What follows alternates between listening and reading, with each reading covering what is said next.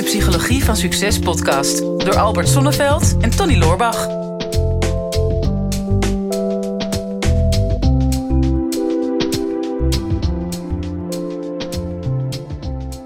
Tony, je hebt er in tijden niet zo goed uitgezien, man. Hoe, eh, wat is jouw geheim? Is dat zo? Ja, echt gewoon. Je, je straalt als een, eh, weet ik veel wat, in het donker. Oh, een kerncentrale. Ik heb iets van tien koppen koffie opgedronken. nee, Oh. eh, nee eh, weet, ja, weet ik niet. Ik zit eigenlijk wel goed in mijn energie. Ja, ja. Ja. nou ja. Laat daar nou net toevallig de vraag over gaan, Ja, zeg. over energie. Ja. Ik, was hem wel even stiekem aan het bijpakken. Ja, energiemanagement of zo, hè? Of hoe, noem- hoe noem je dat? Ja, energie en dagelijkse sleur. Een vraag van Oh. Manon. Die eh, eh, heeft ons een berichtje gestuurd. Beste Tony en Albert, eh, ik luister met veel plezier jullie podcast. Ik heb een vraag en dat is... hoe kom ik uit de dagelijkse sleur? Ik merk dat ik eigenlijk al langere tijd mijn dagen... de tijd met tussen de vingers doorglipt. En dat mijn energie redelijk laag is. En dat ik aan het eind van de dag niet meer de energie heb... om nog meer van mijn dag te maken dan alles wat op mijn pad gekomen is. Nou, Ja, dat is wel Nou, interessant. goeie vraag. Ja, energie managen. Ja, de grote vraag is, wat is er eerder, kip of ei? Ja. Want ja, is zij nou moe en komt ze daardoor in een sleur... of zit ze in een sleur en wordt ze daar moe van? Wat is er trouwens überhaupt, wat is er eerder, kip of het ei? Even een vraag tussendoor, Tony. Heb ik wel eens beantwoord volgens mij Ja? voor jou. Ja, de kip was er eerder. Nee, de haan. de. Nee, het schijnt dus dat in de schaal van een kippenei zitten bepaalde proteïnen. En die kunnen alleen maar voortkomen in een kip. Oh, Dus een ei kan alleen maar uit een kip komen. nou, Ja, dus de kip was er eerder. oké. Nou, ik vind het echt briljante informatie. Daar zit iedereen natuurlijk op te wachten. Ja. Zullen we Manon eens een beetje verder helpen met, eh, met haar vraag over energiemanagement? Ja, want het is een beetje... Ja, dagelijkse sleur is een beetje een visueuze cirkel. Ja. Ja, ja. ja. Heb jij dat wel? Heb jij dat wel eens? Want jij lijkt me daar helemaal niet de type voor. Nee, die in een dagelijkse niet. Nee, sleur zit. nee, nee, nee, nee, nee. Ik word heel onrustig van een dagelijks. Oké. Hoe, hoe voorkom jij dat dan? Wat is jouw geheim? Ik ben tomeloos, onbegrensd nieuwsgierig. En, en eh, dus ja, ik weet het niet hoor. Eerst was het veel meer vanuit het toch een soort plichtsbesef... dat ik altijd maar bezig bleef. Ik had altijd het gevoel van, nou ja, ik moet wel iets doen. Ik kan hier niet zomaar op een bank gaan zitten... en dan voelde ik me meteen schuldig. Maar dat is echt wel aan het verschuiven nu. Ik voel me wel, ja, daarin echt wel een heel stuk makkelijker... en echt wel bevrijd van dat eh, schuldgevoel. Maar nog steeds, ja, ik vind het leven zo ongelooflijk de moeite waard om geleefd te worden. En het heeft denk ik ook wel te maken met dat ik natuurlijk op een hele jonge leeftijd al geconfronteerd werd met de vergankelijkheid van het leven. En hè, mijn, allebei mijn ouders zijn vroeg gestorven. En toen dacht ik, wow, het kan zomaar afgelopen zijn. Nou ja, de tijd die ik dan heb, die wil ik dan ook wel maximaal besteden. Ja, dus ik vind altijd wel weer iets ook om, ja, om ergens plezier uit te halen. Of dat nou is in contact met mensen, of ontdekking in de natuur, of gaan reizen, of ja, interessante dingen om te lezen of te leren. Ja, ik, eh, ik, ik ken sleur helemaal niet. Nee. oké. Nou, ben jij wel een goede persoon dan om daar antwoord op te geven... als je helemaal niet in herkent. Ja, nou ja, ik ken natuurlijk ook wel, en dat weet ik gelukkig vanwege mijn praktijk, kom ik natuurlijk wel mensen tegen die, die wel zeggen: Ja, ik zit nu al zo lang in mijn bedrijf, eh, ik wil wat anders. Hè. Eh, ja, van de week nog iemand gesproken die zei: Ja, ik zit echt in een gouden kooi. Ehm, ik heb een mega salaris, had een paar ton salaris, eh, goede secundaire arbeidsvoorwaarden, pensioenvoorzieningen, noem maar op. Hij zegt, ik zou nog heel graag iets weer een volgende stap willen zetten, maar ik durf niet. Maar iedere dag dat ik nu nog naar mijn huidige baan ga, is het gewoon mega sleur. Ja. Ja, Volgens mij zit daar ook een beetje het, het breekpunt. Dat je eh, eh, waarschijnlijk een tijd aan het investeren bent geweest. ja. Dus eh, als je gewoon nog niet financieel je schaapjes op het droge hebt... dan ben je harder aan het werk, dan ben je echt aan het investeren... om dat voor elkaar te krijgen. Met, met sporten is dat net zo. Je bent aan het investeren, je tijd en je energie... om uiteindelijk meer, meer energie over te houden. En zolang je zeg maar, nieuwe dingen blijft doen... dan blijf je elke keer een stukje weerstand opzoeken. Hè. Of dat nou eh, iets, iets nieuws doen of iets nieuws leren kennen... of dus weer de sportschool ingaan, dat soort dingen. Dat is weerstand opzoeken. Ja. En, en door de weerstand op te zoeken, ben je eigenlijk aan het, aan het groeien. Hè? Dan is het altijd een investering, want je wordt meer waard op alle mogelijke fronten. En zolang je in die modus zit, dan zit je ook niet in een dagelijkse sleur.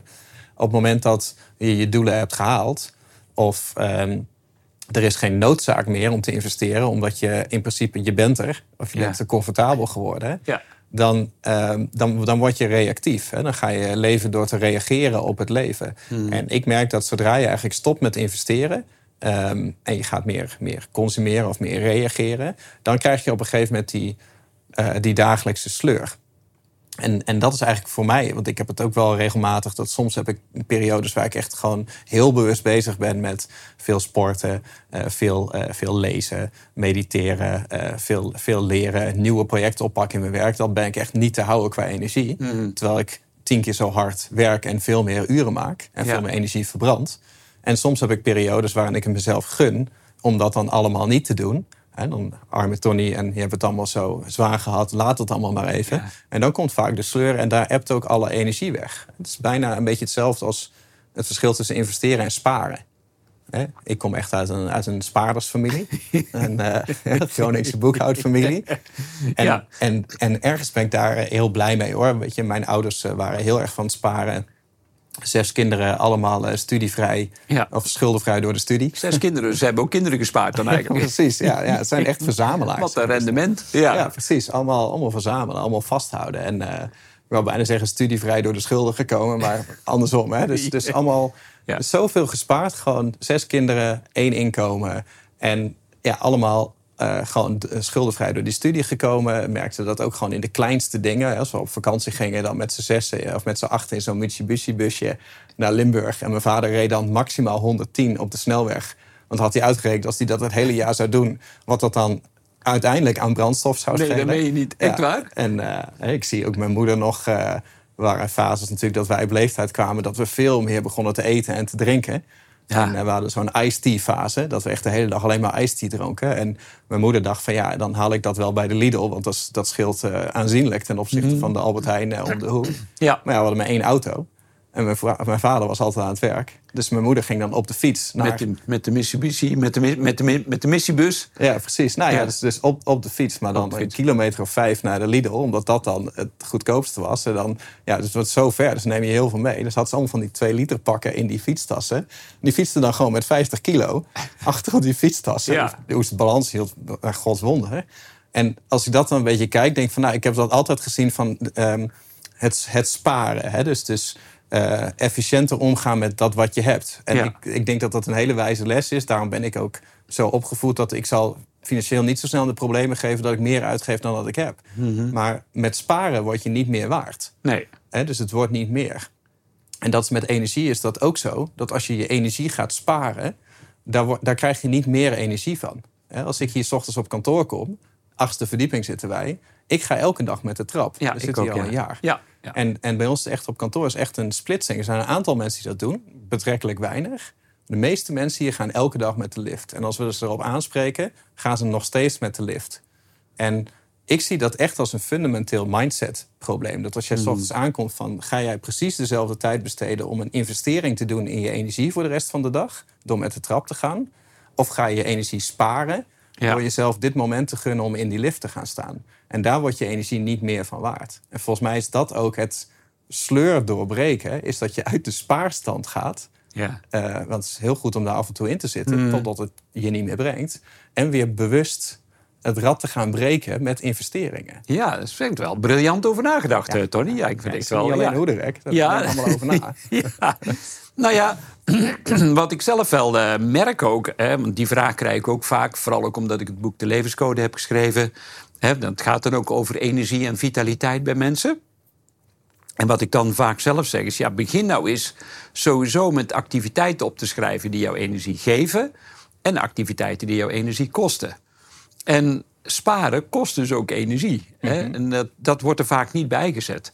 Het is wel zo dat je ook wel weer kunt opladen op het moment dat je echt herstelmomenten pakt. Dat vergeten mensen ook vaak. Dan denk van ja, ik lig hier maar een beetje op de bank. Maar de echte topsporters die zijn vaak meer bezig met ontspanning dan met inspanning. Ja. Maar als je niet investeert, dan, eh, dan ben je gevegeteerd, zou Ja. ik bijna zeggen. Maar er is natuurlijk ook een verschil tussen de geveinsde ontspanning van de sleur. Gewoon Ja. niet de energie hebben om van de bank af te komen. Dat is geen ontspanning. Nee. Dat is iets anders dan actief ontspannen. Investeren in je ontspanning. Ja, nou, mensen vergeten dat vaak. Het is net een stuk met slapen ook. Dat zijn ook allemaal prima momenten om jezelf weer op te laden. Maar sleur zit hem, wat mij betreft, heel vaak ook in de richting van verdoving. Ehm, ja, want dan hoef je, hè, want je brein gaat zich ontwikkelen op het moment dat je natuurlijk nieuwe activiteiten, nieuwe dingen gaat leren. Maar dat kost ook in eerste instantie energie. We hebben het daar heel vaak over gehad. Keuzes maken. Nou, de kort geluk, lange pijn. Ben je bereid om even kort energie ergens in te stoppen... om op lange termijn ja, een leuker, voller, kleurrijker, kleurrijker leven te hebben? Nou, dat eh, lukt mensen niet altijd, gelukkig. Eh, want dan zouden wij helemaal niks meer aan onze podcast hebben. Precies, zou het dan over moeten hebben? ja. ja, nou, ehm, daarnaast, als je dan toch wat meer energie wil hebben... eh, nou, een van de eerste dingen die ik al zei is nieuwsgierigheid. Die werkt bij mij enorm. En die kun je op heel veel gebieden hebben... maar als je dan toch je sleur wil doorbreken... kijk dan eens waar je voor jouw gevoel het meest in vastzit. Heeft dat te maken met sleur, eh, bijvoorbeeld in sporten... Want daarin zeg je precies hetzelfde. Als je die spieren niet meer gebruikt. Een hele bekende Amerikaanse uitspraak is natuurlijk: if you don't use it, you lose it. Ja. Nou, dat geldt voor sporten zo. Ja, dat geldt ook voor je werk. Kijk eens om je heen. Welk nieuw project zou je kunnen aanpakken? Er is altijd iets waar je nog extra energie in zou kunnen stoppen. om uiteindelijk een veel groter rendement te krijgen. Een relatie. Hoeveel mensen hoor je niet of zie je niet die gewoon al met hun relatie helemaal in de sleur zitten? Nou ja, dat vind ik ook altijd. eh, Ik, eh, afgelopen weekend zat ik in een restaurantje. Dat was echt het dieptepunt van een, een koppel achter me. Ik denk, gadverdarrie. Ik zat heel eh, geanimeerd, zat ik met Ellen zat ik te praten. En we hadden. Maar achter mij zat een wat ouder stel. Die hadden elkaar echt helemaal niks meer te vertellen. En die zaten dus een voetbalwedstrijd op, op een eh, het smartphone te kijken. In een restaurant, op een tafeltje, allebei voorover gebogen. Eh, ik zat me helemaal kapot te ergeren, dus ik stond ook op. Ik heb ja, een jaar geleden al een cursus assertiviteit gevolgd. Heeft me veel geld gekost. Ik denk, nou, ik moet even mijn cursusgeld terughalen. Dus ik sta op. Ik zeg, goh, ik weet niet eh, of u het in de gaten heeft, maar die telefoon aan. En met dat volume vind ik heel storend. En vooral in een restaurant zou die wat lager willen zetten. Oh, oh ja, ja, ja. Ja, en vervolgens ging die telefoon uit. En eh, nou, na een half uur draaide ik nog een keer even om... om te kijken of ze nog gereanimeerd moesten worden. Want het was zo stil.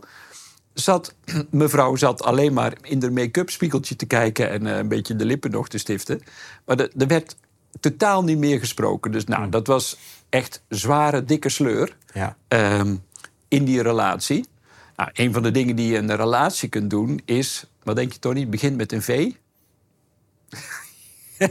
Verrassen, Tony. Oh, oké, ik dacht iets anders, maar ik dacht dat bedoel je vast niet. Vond ik ook zo'n netjes woord. Ja, ja, ja, ja. Verrassen. Ja. Gewoon eh, super. Met, eh, dus met dubbel R. ja, ja, Niet ja. verrassen. Nee, nee, nee. Dat, eh, dat doe je op het eind van de relatie. Oké. Alle liefdesbrieven en zo, dat gaat allemaal hup, eh, ja, het vuur in. Ja. En nog één ritueel afscheid nemen en dan is dat gebeurd. Nee.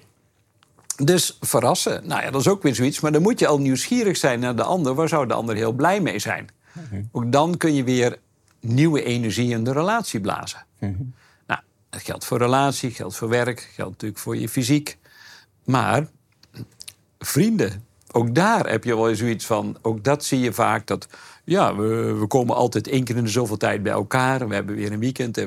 Nou goed, je hebt allerlei vormen van eh, groepsbinding. Ook daar zie je op een gegeven moment dat de sleur eh, gaat, zijn intrede gaat doen. Ja, wat doe je dan? Ja, ontbinden. Dat is ook een soort van verrassen. Ja, ja dat kan. Hè, want dan ontstaat er weer ruimte voor nieuwe dingen. Ja. Maar heel veel mensen durven vanuit angst geen keuzes te maken. En dat is natuurlijk ook een keuze. Maar als je sleur ervaart, zul je sowieso afscheid moeten nemen van een oud deel van je leven. Hoe dan ook. Ja, want ik denk dat het, het probleem is eh, misschien ook wel... mensen die in een bepaalde sleur zitten... die, die eh, vergelijken dat natuurlijk vaak met het moment dat je juist helemaal... ehm, eh, optimaal energiek, dat je lekker bezig was. Of Ja. ja, beter gezegd, dat je niet in de sleur zat. En, en de, de conclusie die je dan vaak trekt is... toen deed ik heel veel. En toen was ik aan het sporten, toen was ik goed aan het eten... toen ging ik lekker met mensen leuke dingen doen. Was, Ja. ik, was ik veel erop uit, was ik nieuwe dingen aan het aanpakken in mijn werk. Dus toen deed ik heel veel. En bij de sleur denk je dan van... ja, maar nu doe ik eigenlijk niks meer. En dat is het probleem. Dus ik moet weer meer gaan doen. En dat is de misvatting, want je doet Ja. namelijk niet te veel... maar je doet of, of- ja, je doet niet te weinig, maar je doet al te veel. Dat is het probleem. Maar je doet te veel van de verkeerde dingen. Ja. Van dingen die jou misschien ooit energie gaven.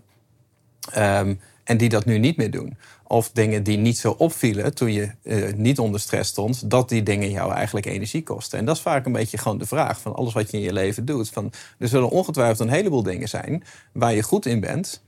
ehm, en, en die jou ook opleveren. Of het nou relaties zijn, vrienden of dingen in je werk of wat je dan ook doet. Alleen dat betekent niet per se dat het, dat het echt jouw talent is. Dat het echt Nee. bij jou past. Nee. Dus wat zijn de dingen die jou ook energie geven als ze slecht gaan? Hè? Ja. Dat zijn de dingen die je ook energie geven als je onder stress komt te staan. Dat, dat zijn de dingen waar je meer van moet doen. Ja. Dat zijn de dingen die je gewoon, die je gewoon energie geven. En dat, dat is vaak een beetje voor mij, want ik raak ook regelmatig in de sleur. En ik weet gewoon van een paar dingen van mezelf. Van als ik die dingen weer ga doen, dan, dan doorbreek ik eigenlijk Mm. het rad. Of het, of het proces. En dan komt er weer energie. En die energie kan ik ook weer in andere dingen gebruiken. Maar dan moet ik er inderdaad ook voor kiezen om bepaalde dingen niet meer te gaan doen. Nee. Ik zit in één keer te denken, er zijn ook mensen die gaan twintig jaar naar dezelfde camping. En nou snap ik ook waar het woord sleurhut vandaan komt. Zit natuurlijk steeds in diezelfde caravan, op dezelfde plek met dezelfde mensen. Ja, dat eh, wordt natuurlijk ook een sleur. Oh ja. Zou je die caravan ook een keer ergens anders naartoe kunnen brengen, bijvoorbeeld? Ja, precies. Ja, dan moet je zelf zorgen voor verandering. Doe me denken aan... eh, er is een oud kinderboek. Eh, het meisje met de rode pet. Ken je dat? Heb je dat vroeger ook gelezen? Nee, ja, met de rode schoentjes, maar dat was iets Dat anders. is iets anders, denk ik. Ja. La- dit, dit las ik toen wij... Nou, het was echt basisschool. Haalden wij dat heel vaak van de bibliotheek. Is niet zo heel goed meer. Het was heel kort, een beetje prentenboek. En er was een verhaal, volgens mij, van een meisje. Bijgevolg met een rode pet, denk ik dan. Als Ja, het, waarschijnlijk. Titel, titel Als dat- kijkt. Ja. En die, ehm, zij werd wakker 's ochtends en ze had geen eh, brood. En dat is natuurlijk best wel een groot probleem. Ja. Dus ehm, zij ging naar de bakker om te vragen van... waarom heb ik geen brood? De bakker zei, van, ja, ik heb eh, geen eh, meel eh, gekregen... dus ik heb geen brood kunnen bakken. Dus dat meisje gaat naar de molenaar. Zegt, ja, de bakker heeft geen meel gekregen. Wat er aan de hand? Dus die molenaar zegt, ja, ik kon geen meel maken... want ik heb geen graan gekregen vanochtend.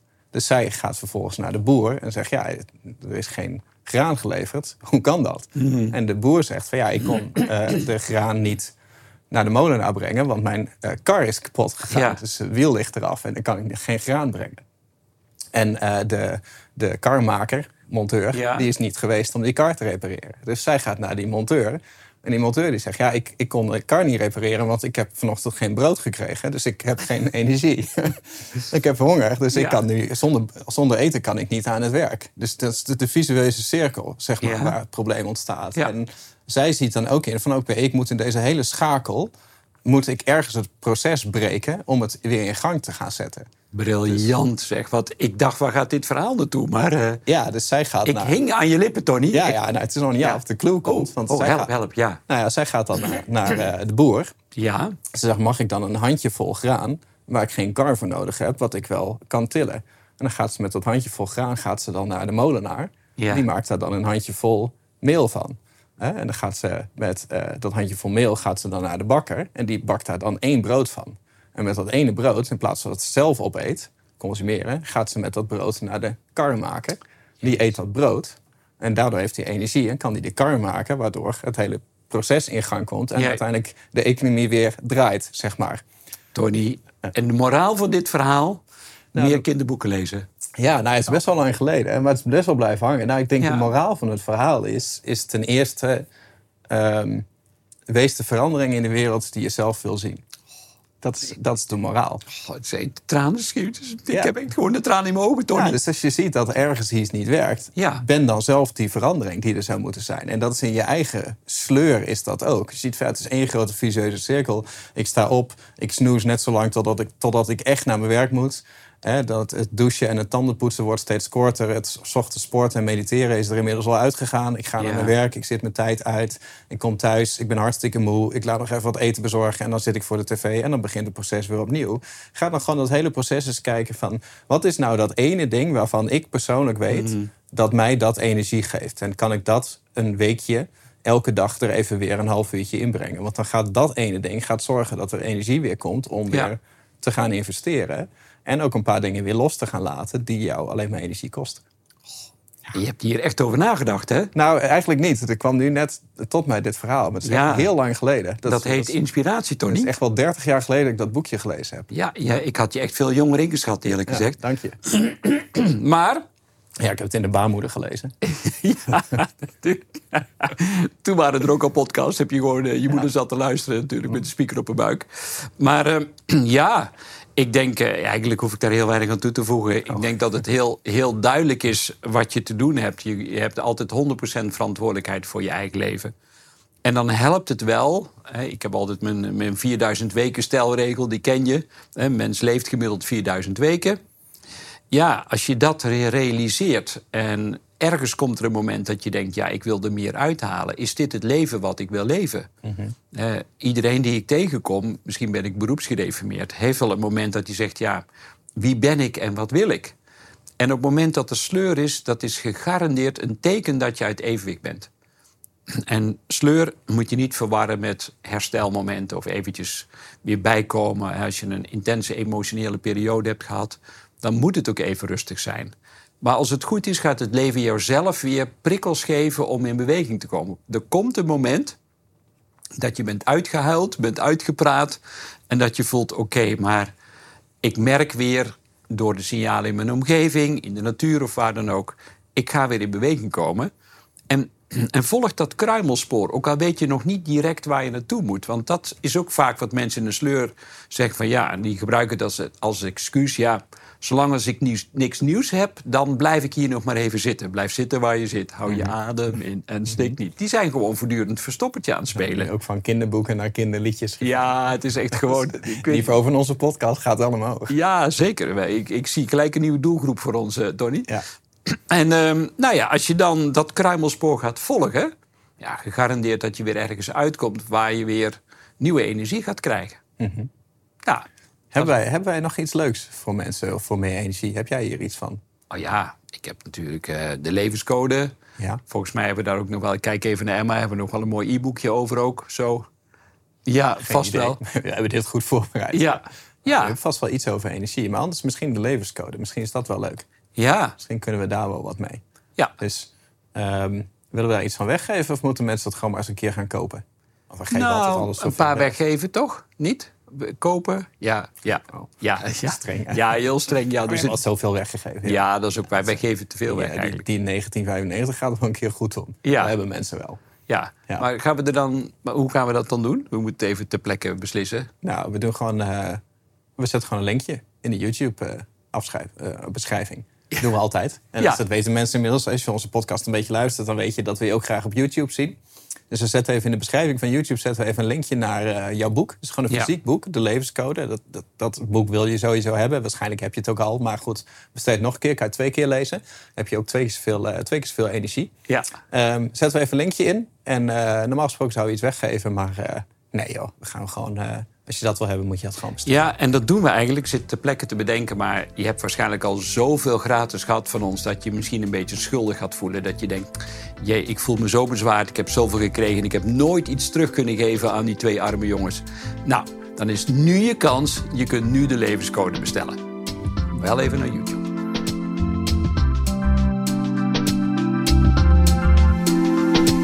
Is de Psychologie van Succes podcast door Albert Sonneveld en Tony Loorbach.